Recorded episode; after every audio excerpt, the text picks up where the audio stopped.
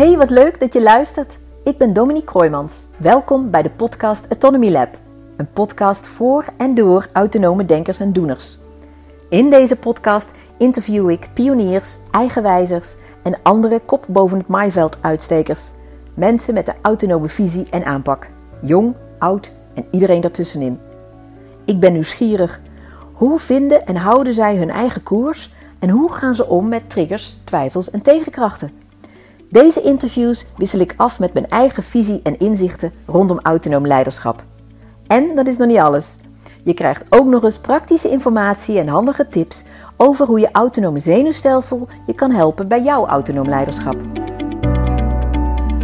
Mijn gast van vandaag is Ans Tros, psycholoog, auteur en oprichter-inspirator van de School voor Coaching. In deze eerste van vier afleveringen vertelt Ans over haar definitie van autonomie en over het maken van autonome keuzes in de praktijk. Ook deelt ze een belangrijk kantelmoment en wat hierin voor haar een helder kompas is geweest. Veel luisterplezier!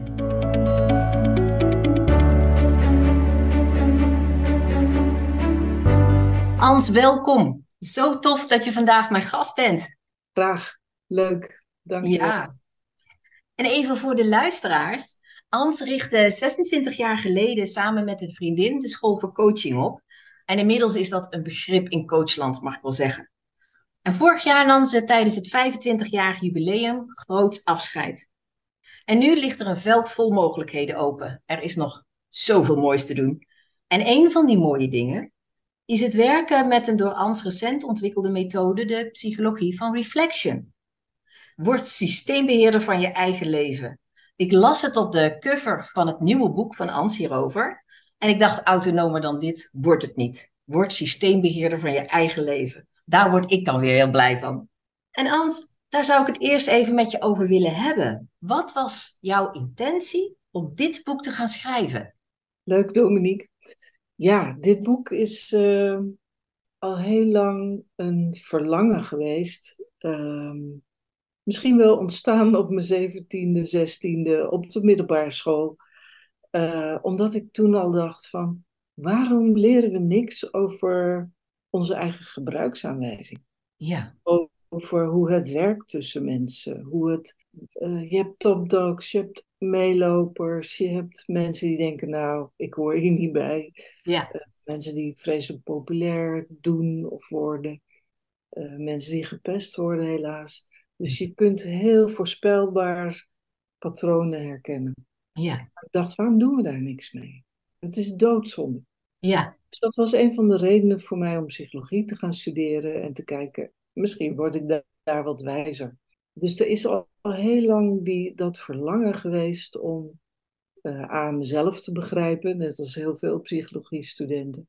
Uh, maar B ook te kijken, ja, maar wat werkt? Wat, Ja. wat zijn nou theorieën en aanpakken die daarbij helpen? Mhm. En eerlijk gezegd vond ik dat maar karig in mijn eigen opleiding. Was het niet bevredigend. En ben ik altijd blijven zoeken naar, ja, oké, wa- wat werkt? Welke theorie werkt? Welke aanpak werkt? Uiteindelijk heeft dat geresulteerd na ook al die jaren training in dit boek. Met het Mm. doel om theorie te bieden die werkt, modellen waar je mee aan de slag gaat, ehm, zodat je jezelf en anderen beter kunt begrijpen. Ja, de mooi. interactie daarin ja, kan verbeteren. Want conflicten zijn niet leuk, eh, je niet lekker voelen al helemaal niet. Dus daar is het boek voor bedoeld om een bijdrage te leveren aan eh, ja, het doorzien van jouw eigen gebruiksaanwijzing. Want eigenlijk is het zeer onrechtvaardig dat je zonder gebruiksaanwijzing op aarde wordt gedumpt. Wat een prachtige zin, Ans. Vind die Maar nog steeds, je moet hem Ja. wel zelf ontdekken. Hè? Ja, hè? aan- aanwijzing. Maar eh, het, het helpt enorm als je Ja. snapt hoe het bij jou zelf werkt. En het boek wat je geschreven hebt, Reflection, eh, kan mij daarin stap voor stap inzicht geven. Ik kan uitproberen. Ik zag dat er ook modellen in stonden. Dat er verschillende, eh, ehm, hoe zal ik dat zeggen, aanvliegroutes zijn om mezelf hierin te begrijpen. En dat je daarin ook meeneemt, wat je net al zegt, de interactie tussen mij en de ander. Mooi. Ja. En dat is natuurlijk dan ook wat ik als lezer hieruit mee kan nemen, waar ik mee kan werken, wat ik kan proberen toe te passen. En ik stel me voor dat ik ook weer terug kan naar het boek als ik zeg: Oké, ik wil hier een verdieping in of ik heb een vraag hierover. Ja, Right? Ja, mooi. Nou ben jij vandaag, Ans, mijn gast in het Autonomy Lab, waar ik spreek met autonome denkers en doeners. En hoe vinden en houden zij hun eigen koers en hoe gaan ze hierin om met triggers, twijfels en tegenslagen? Nou ben ik altijd benieuwd naar concrete tips en persoonlijke eh, verhalen. En vandaag dus naar die van jou. Maar voordat ik je van alles ga vragen over hoe jij nou jouw autonomie doet, kun je de luisteraars dus in een paar zinnen, in grote lijnen vertellen hoe jij bent gekomen tot waar je nu bent. En ik heb al meteen een grote glimlach, want doe dat maar eens in een paar zinnen. Ja, nou, met alle plezier. Ja, als je kijkt naar, ik begin toch even in mijn kindertijd. Ja. Ehm, ik was een jaar of zeven, denk ik. En mijn vader zat de krant te lezen en ik stond voor zijn neus. Althans, hij zat. En ik dacht, ik wil leren lezen. Ik had een Ah, enorme drive en drang. Ik dacht, ik moet dat begrijpen, die letters. Uh, kijk het naar mezelf, altijd super nieuwsgierig geweest. Uh, uh, ik, ik wilde dingen begrijpen. Nou, in een tijd dat internet er nog niet was, uh, was de, de, plaatselijke bibliotheek mijn grote redding. Ik denk ja. dat ik altijd een verschrikkelijke puber was geweest. Maar nu, nou ja, ik kon me daar vermaken. Ik las alles wat los en vast zat over parapsychologie. Uh, bijvoorbeeld ook de klassieker van Rogers, ja. Leren in Vrijheid. Um, dus ik, ja, dat, dat heeft mij wel sterk beïnvloed. En ik heb Mhm. altijd mijn eigen pad daarin gevolgd om, om boeken te lezen. En dat leidde er ook toe dat ik uh, bedacht, ik ga psychologie studeren. Want een Mhm. heleboel vragen dacht ik, ja, hoe zit dat nou? En dat ben ik ook gaan doen met heel veel plezier. En tijdens die studie was er ook zo'n moment wat, wat ik heel fascinerend vond. Want ze zeiden, ja, je moet objectief zijn als psycholoog. Zonder oordeel, zonder dit, zonder dat. En toen dacht ik al, ja, wat een onzin, dat kan helemaal niet. Precies. Maar ja, de discussie aangaan heb ik ook niet gedaan. Want dacht, ja, ik heb ook geen tekst en uitleg over waartoe, waarom en welke theorie. Maar ik dacht, ja, dat, dat klopt gewoon niet. Nee. Dat, dat is volstrekt onmogelijk. Uh, en dat zegt dus ook iets over de studie, dat het zeg maar het onbewuste en alle impulsen, uh, Ja. beelden, waarnemingen, wat we nu ons veel meer bewust zijn, hè, uh, dat kwam helemaal niet aan bod. Dus ook Jungiaanse psychologie, de psychologie van het onbewuste, was obscuur. Hè? Dat, was, ja, dat waren wat oude mannen die, nou ja, hè, dat was de begintijd, maar nu zijn we wetenschappelijk en statistiek en dit en dat. Ik dacht, ja, dat is allemaal interessant, maar er is ook een kant van de psychologie, de grondslag, filosofie, religie, Ja. de fenomenologie, die, die heel weinig aandacht. Die, die werd een beetje als obscuur weggezet. Dus dat heeft mij altijd wel getriggerd en ik wist ook zeker, ja, dat, dat klopt allemaal niet. En ik ben gewoon mijn eigen onderzoek blijven doen. Een van de hulpbronnen daarbij was wel een boek. Ik was wat meer in de organisatieadvieskant gedoken. Uh, dat heette The Psychology of Organizing. En van de meneer Karel Wijk. En in dat boek las ik dat hij zei: Ja, we maken allemaal onze eigen werkelijkheid. Er zijn oneindig veel subjectieve werkelijkheden. Ja. Vestigen elkaar in onze visie op hoe de dingen werken of niet werken, Ja. of hoe het zit of hoe het niet zit. En in subculturen kan dat compleet van elkaar verschillen. Dus het is feitelijk een, een, een subjectief gedeelde visie op uh, fenomenen die we waarnemen, die we proberen te begrijpen. Ik dacht, die man heeft het begrepen. Dat, dat, daar kan ik mee verder. Da, daar geloof ik ook in. Uh, je wordt zo gevormd door je context, je cultuur, Mhm. politieke kleur, de dingen die je wel of niet tot je neemt met media. Uh, het bepaalt allemaal de brillen waarmee we naar de wereld kijken. En ook onze ervaringen uiteraard. Dus dat vond ik zeer zinvol. En ik bedacht ook, ik word geen psycholoog. Ik ga. Kijk dan. Ja. Nee, nee, nee. Ik dacht. Nou, en de belangrijkste reden was misschien wel enerzijds dit: uh, hè, dat zogenaamde objectief afstandelijk. Hè, jezelf niet inzetten in je contacten en je gesprekken, waar ik absoluut niet van ben. En het tweede was, ja, mensen in, in moeten uh, beoordelen of uh, diagnosticeren of in hokjes zetten. Nou ja, als je daar niet van bent, dan ga je dat zeker niet uh, opleggen aan anderen. Dus ik dacht, ik ga niet in het hok van psycholoog. Mm. Ik, nou, ik kwam in, in het bedrijfsleven terecht.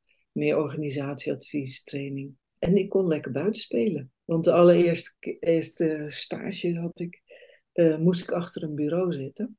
Ja. En na een driekwart dag dacht ik, dit is niks voor mij. Ik heb een ambulante functie nodig. Dus dag twee zei ik al tegen mijn stagebegeleider, ik moet even naar de bibliotheek.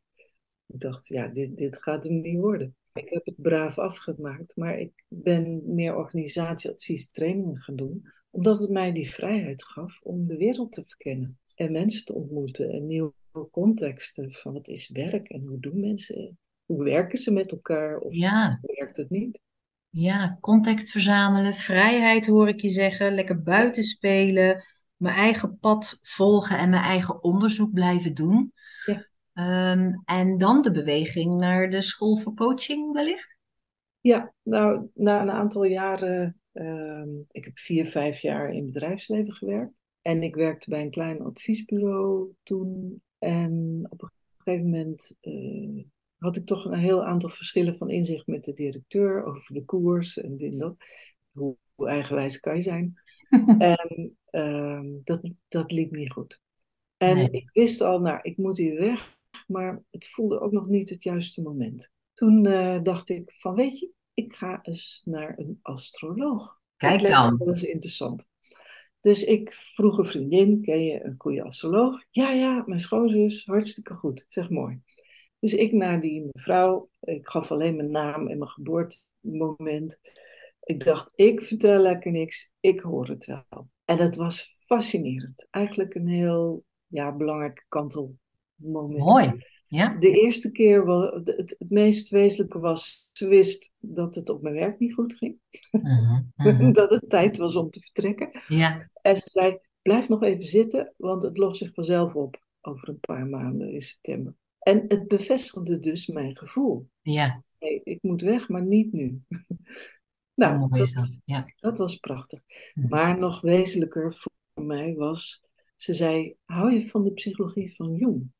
Ik zei, ja, ja, daar heb ik een aantal boeken over, maar ja, daar, daar was ik nog niet zo aan toe. Ze zegt, nou, dat is helemaal wat voor jou. Ga naar KNH-maker in Amstelveen. En ik ben daar de vierjarige opleiding psychologie van Jung gaan doen. Uh Nou, dat was een groot feest. Feest der herkenning. Ja. Ook mede doordat KNH-maker een fantastische docent en verteller is. En op die manier raakte ik helemaal thuis in de psychologie van het onbewuste. En omdat Jung, ja, die, die heeft wel die verbinding met religie, tussen hemel en aarde, uh, Oosterse filosofieën, uh, Nag die geschriften. Dus door de, de geschriften, ik heb heel veel boeken toen van hem gelezen, ja, raakte ik thuis in zijn gedachtegoed. Die tegelijkertijd ook, hij heeft natuurlijk ontwikkeld voor mensen met, uh, ja, in therapieën. Hè, dan had hij Mm. therapie en, en associatieve therapieën. Maar het is voor het dagelijks leven fantastisch.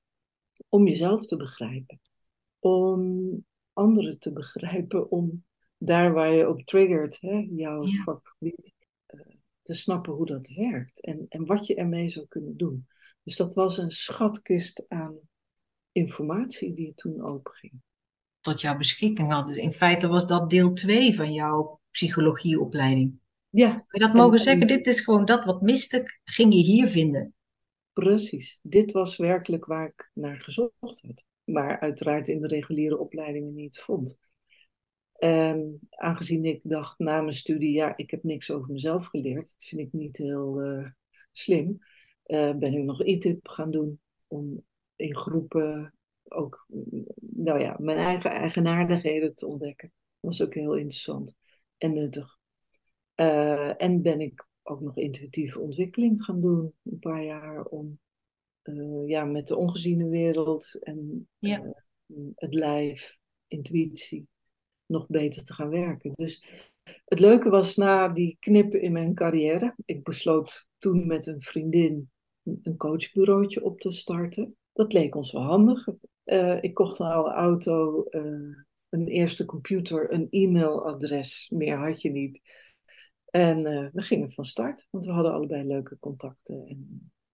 Dus toen heb ik twee, drie jaar heel veel coach-sessies begeleid, zowel met teams als één op één. Mm-hmm.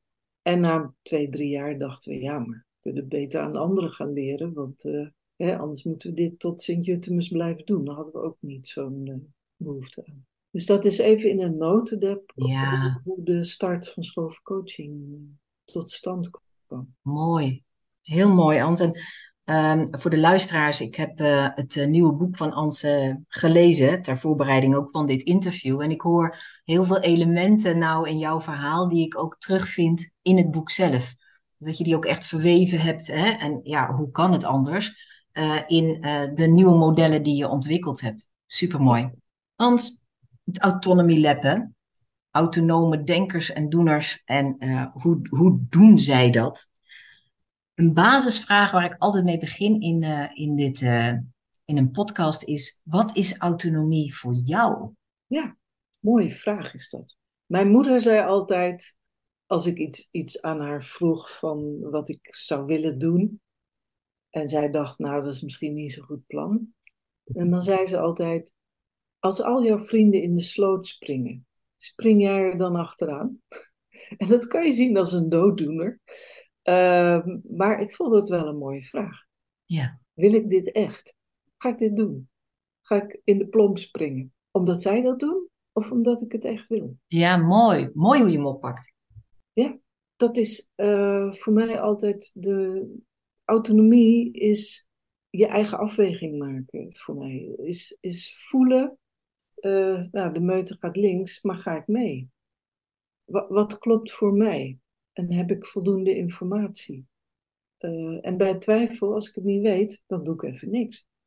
En dat, dat is niet altijd makkelijk, maar ik denk als ik ook terugkijk uh, van een jongs af aan, ik heb altijd heel gevoelsmatig mijn beslissingen genomen omdat, Ja, omdat dat, het is ons geboorterecht om, om ja, je impuls te voelen, te ervaren. Maar ga je er ook naar luisteren? Of blijf je er naar luisteren? Ja, mooi dat je zegt, uh, uh, Ans, uh, luisteraar, die ziet het niet, maar ik zit hier helemaal breed te glimlachen. Het is ons geboorterecht Ja. om in onszelf te voelen wat is de impuls en daar dan ook gehoor aan te geven. Ja, of niet, maar dan, dan Ja. is het een bewuste keuze. Ja, maak die bewuste keuze. Allemaal als onderdeel van autonomie. Ja. Nou heb ik gemerkt dat iedere autonome denker en doener persoonlijke verhalen heeft over Ja. tegenslag en weer opveren, over, hè, je noemde het net al, belangrijke kantelmomenten en ook over onverwachte hulpbronnen. Wat is nou het eerste verhaal dat bij jou opkomt wanneer je denkt aan zo'n tegenslag op jouw autonome pad en weer opveren? Nou ja, het verhaal van de astrologen, hè? Dat, Zeker. dat, is, dat kun je aan de ene kant zien als tegenslag, maar het, het was even zo'n moment in mijn eh, carrière, korte Mhm. carrière in loondienst. Ehm, maar daar, daar zat ik nog niet eens zo mee, maar ik dacht, ja, ik moet hier weg. Ik Ja. zat wel met de vraag, ja, ga ik dan eh, weer in loondienst? Want binnen de kortste keer heb ik weer een managementfunctie en dan ga ik weer heel hard werken enzovoort. Mhm. Dat, dat was wel zo'n moment. Maar ja, door de antwoorden van haar was het oké, afwachten en mijn eigen zaak beginnen. En tegenslag, ehm, of een, een ander belangrijk kantelmoment. Ik hou ontzettend van samenwerken. En daar zitten natuurlijk altijd de momenten dat het kan gaan schuren. Dus ik ben ooit eh, met school coaching ook gestart. En dat was al heel snel een groot bedrijf, omdat we precies op het goede moment, we waren de tweede in Nederland op dat moment, uh, keihard aan het groeien waren. Dus uitbreiden, personeel, uh, trainers, franchise, noem maar op. En het was dus al door uh, ja, hard werken, met ontzettend veel plezier, trainingen geven, zorgen dat de organisatie op orde bleef en bleef meebewegen ja. met wat er nodig was. Maar een heel belangrijk moment was toch een verschil van inzicht met de zakenpartner met wie ik ben begonnen. Ik wilde groeien, het bedrijf groeide als boerenkool, ja. uh, zij niet. Dus we, we kregen een enorm verschil van inzicht over hoe verder. Maar het lukte niet om tot oplossingen te komen. Dus dat werd een slepend, kan je wel zeggen, conflict.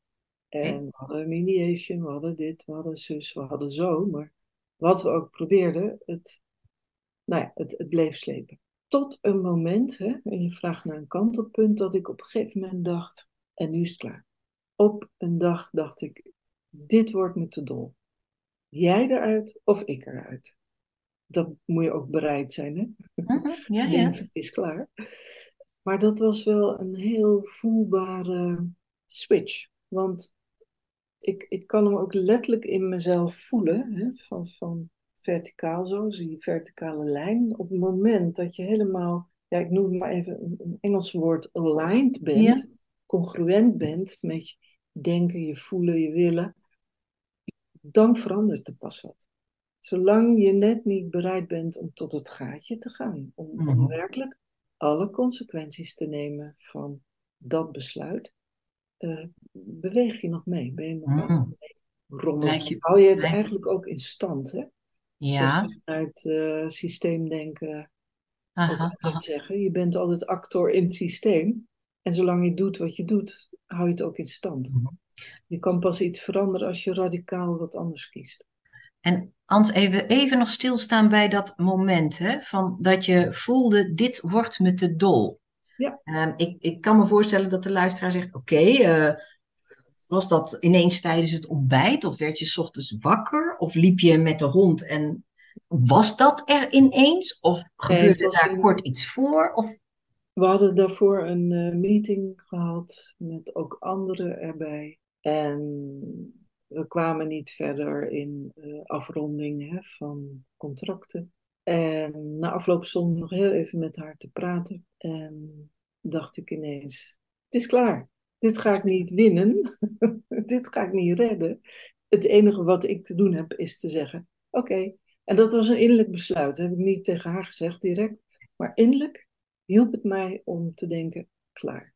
Ik ga nu andere acties ondernemen. Oké, en daar valt wat ik uh, net goed naar je heb geluisterd, zeg je, daar wordt die uitleiding, hè, die alignment tussen denken, voelen en doen, uh, klikt ineens. Dat is dan mijn woord, hè? klik, klik. En dan zeg je, en van daaruit, dat klinkt als een, als een innerlijk keuzemoment, ging je toen meteen, ja, wat ging je toen doen? Ging je meteen mensen bellen, doen, in de vorm zetten? Liep je er eerst nog een paar maanden mee rond? Hoe werkt dat dan als dat van binnen in jou deze klik maakt en die helderheid er ehm, is? Goeie vraag, hoe heb ik dat toen gedaan? Maar hoe dat voor mij werkt, mhm. ehm, op dat moment heb ik dat besluit genomen. Mhm. Ga ik in ieder geval thuis met uh, Mark over hebben. Hij heeft altijd wel consequenties hè, als je dit soort dingen besluit. En soms bel ik iemand, iemand die ik vertrouw, en dan zeg ik: Hé, hey, moet je luisteren, dit en dat speelt en bla bla. Uh, wat raad je me aan? Dus ik, ik denk dat ik mijn advocaat heb gebeld. Ja, ik weet niet eens precies meer hoe, hoe we dat. Ik, ik weet wel dat het speelde met. Het, het had natuurlijk allemaal repercussies in de organisatie. Mm-hmm. Als twee oprichters bonje met elkaar krijgen, dan. Ja, het is, is net als in een, een, een huwelijk waar partners dan uh, in de strijd gaan uh, mensen voelen zich gedwongen partij te kiezen. Dus het gaf allerlei vervelende consequenties. Had allerlei effecten. Uh, ja, uiteindelijk een uh, hele goede mediator ingeschakeld. En met diegene een plan gemaakt, wat eh, stap voor stap heeft gerealiseerd. Oké. En Ans, hoe blijf jij? Wat zou een tip zijn aan de luisteraar van hoe als je eenmaal voelt dat die hele heldere lijn en dat heldere besluit genomen is, hoe, wat zou dan jouw tip zijn om te zeggen, hoe zorg je ervoor dat je die, dat, dat heldere besluit op al die levels, denken, voelen, doen, dat je die blijft voelen, dat dat een kompas kan blijven. Ook inclusief alle ruis die het oproept. Hè? Daar hoef ik niks voor te doen. Vertel. Soms zijn er van die momenten in je leven waarin je een besluit neemt wat je kan niet meer terug. Ik zie het in mijn boek, heb ik een metafoor gemaakt over het leven als een, een rivier, een levensstroom. Mhm. dat gaat gewoon door. Ja. die levensstroom gaat door, die gaat naar de zee. En soms is het een beetje ruig en er liggen er allerlei blokken en, en obstakels in die levensstroom. Ehm, en je kan zien, en jij zelf loopt op de oever.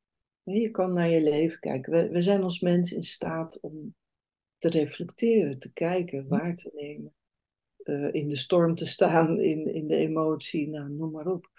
Um, dus op het moment dat je dus een heel groot rotsblok weg hebt gehaald, of een barricade in die rivier, hè, van hé, hey, dit was een grens waar ik niet over ging, maar nu haal ik hem eruit, dan kun je niet terug. Want dat kun je helemaal niet overzien, uh, de emoties, de gevolgen. Uh, maar je weet in ieder geval, dit wil ik niet meer. Hè? Ik weet nog niet wat het is, maar ik weet wel dat er een nieuwe ja, uh, flow komt die meer vrijheid, in ieder geval meer ruimte zal geven. En andere uitkomsten kan geven, hè, potentieel. En dat is dan inclusief mogelijke turbulentie en misschien ook wel momenten van, oh oké, okay, uh, wauw. Ik kan me ook voorstellen voor mezelf en misschien ook voor de luisteraar die zegt, ja, uh, heeft Ans dan nooit een moment dat ze na zo'n besluit het gevoel heeft van, kan ik nog terug? roepen ze wat, Hans? Is dat, je zegt net, dat kan niet, want die rivier stroomt. Maar herken je dat er dan wel misschien soms even zo'n momentje kan zijn dat je denkt, oh wauw, dit is echt too much wat er nou allemaal opgeroepen wordt. nou, dan heb ik eerder zoiets, kan ik even uit de scène stappen. het, het, het, het, het innerlijk weten is voor mij dan zo sterk dat het klopt. De ja. gevolgen inderdaad, die zijn niet lollig. Die zijn echt niet lollig. Nee. Hè, ehm, maar als ik weet waarvoor ik het doe, uh, dan ga ik niet terug. Ja, precies. Oeh, jouw stem ook anders als je dat dan zegt. Ja, het, het, zo werkt dat voor mij. Ja, ja. ja. Dan ga ik naar de uh, volgende uh, onderdeeltje van deze vraag. Hè. Ehm, iedere autonome denker en doener kent ook verhalen van onverwachte hulpbronnen. Nou noemde je al eh, de horoscoopafspraak eh, die je gemaakt hebt. Heb je nog een anekdote over een totaal onverwachte hulpbron, misschien op een heel ander moment in je leven, waarvan je zegt dat is nou een mooie anekdote om te delen? Het antwoord op deze vraag geeft Ans in de volgende aflevering van deze podcast, waarin we ons gesprek voortzetten. Deze aflevering is binnenkort te beluisteren. Tot dan!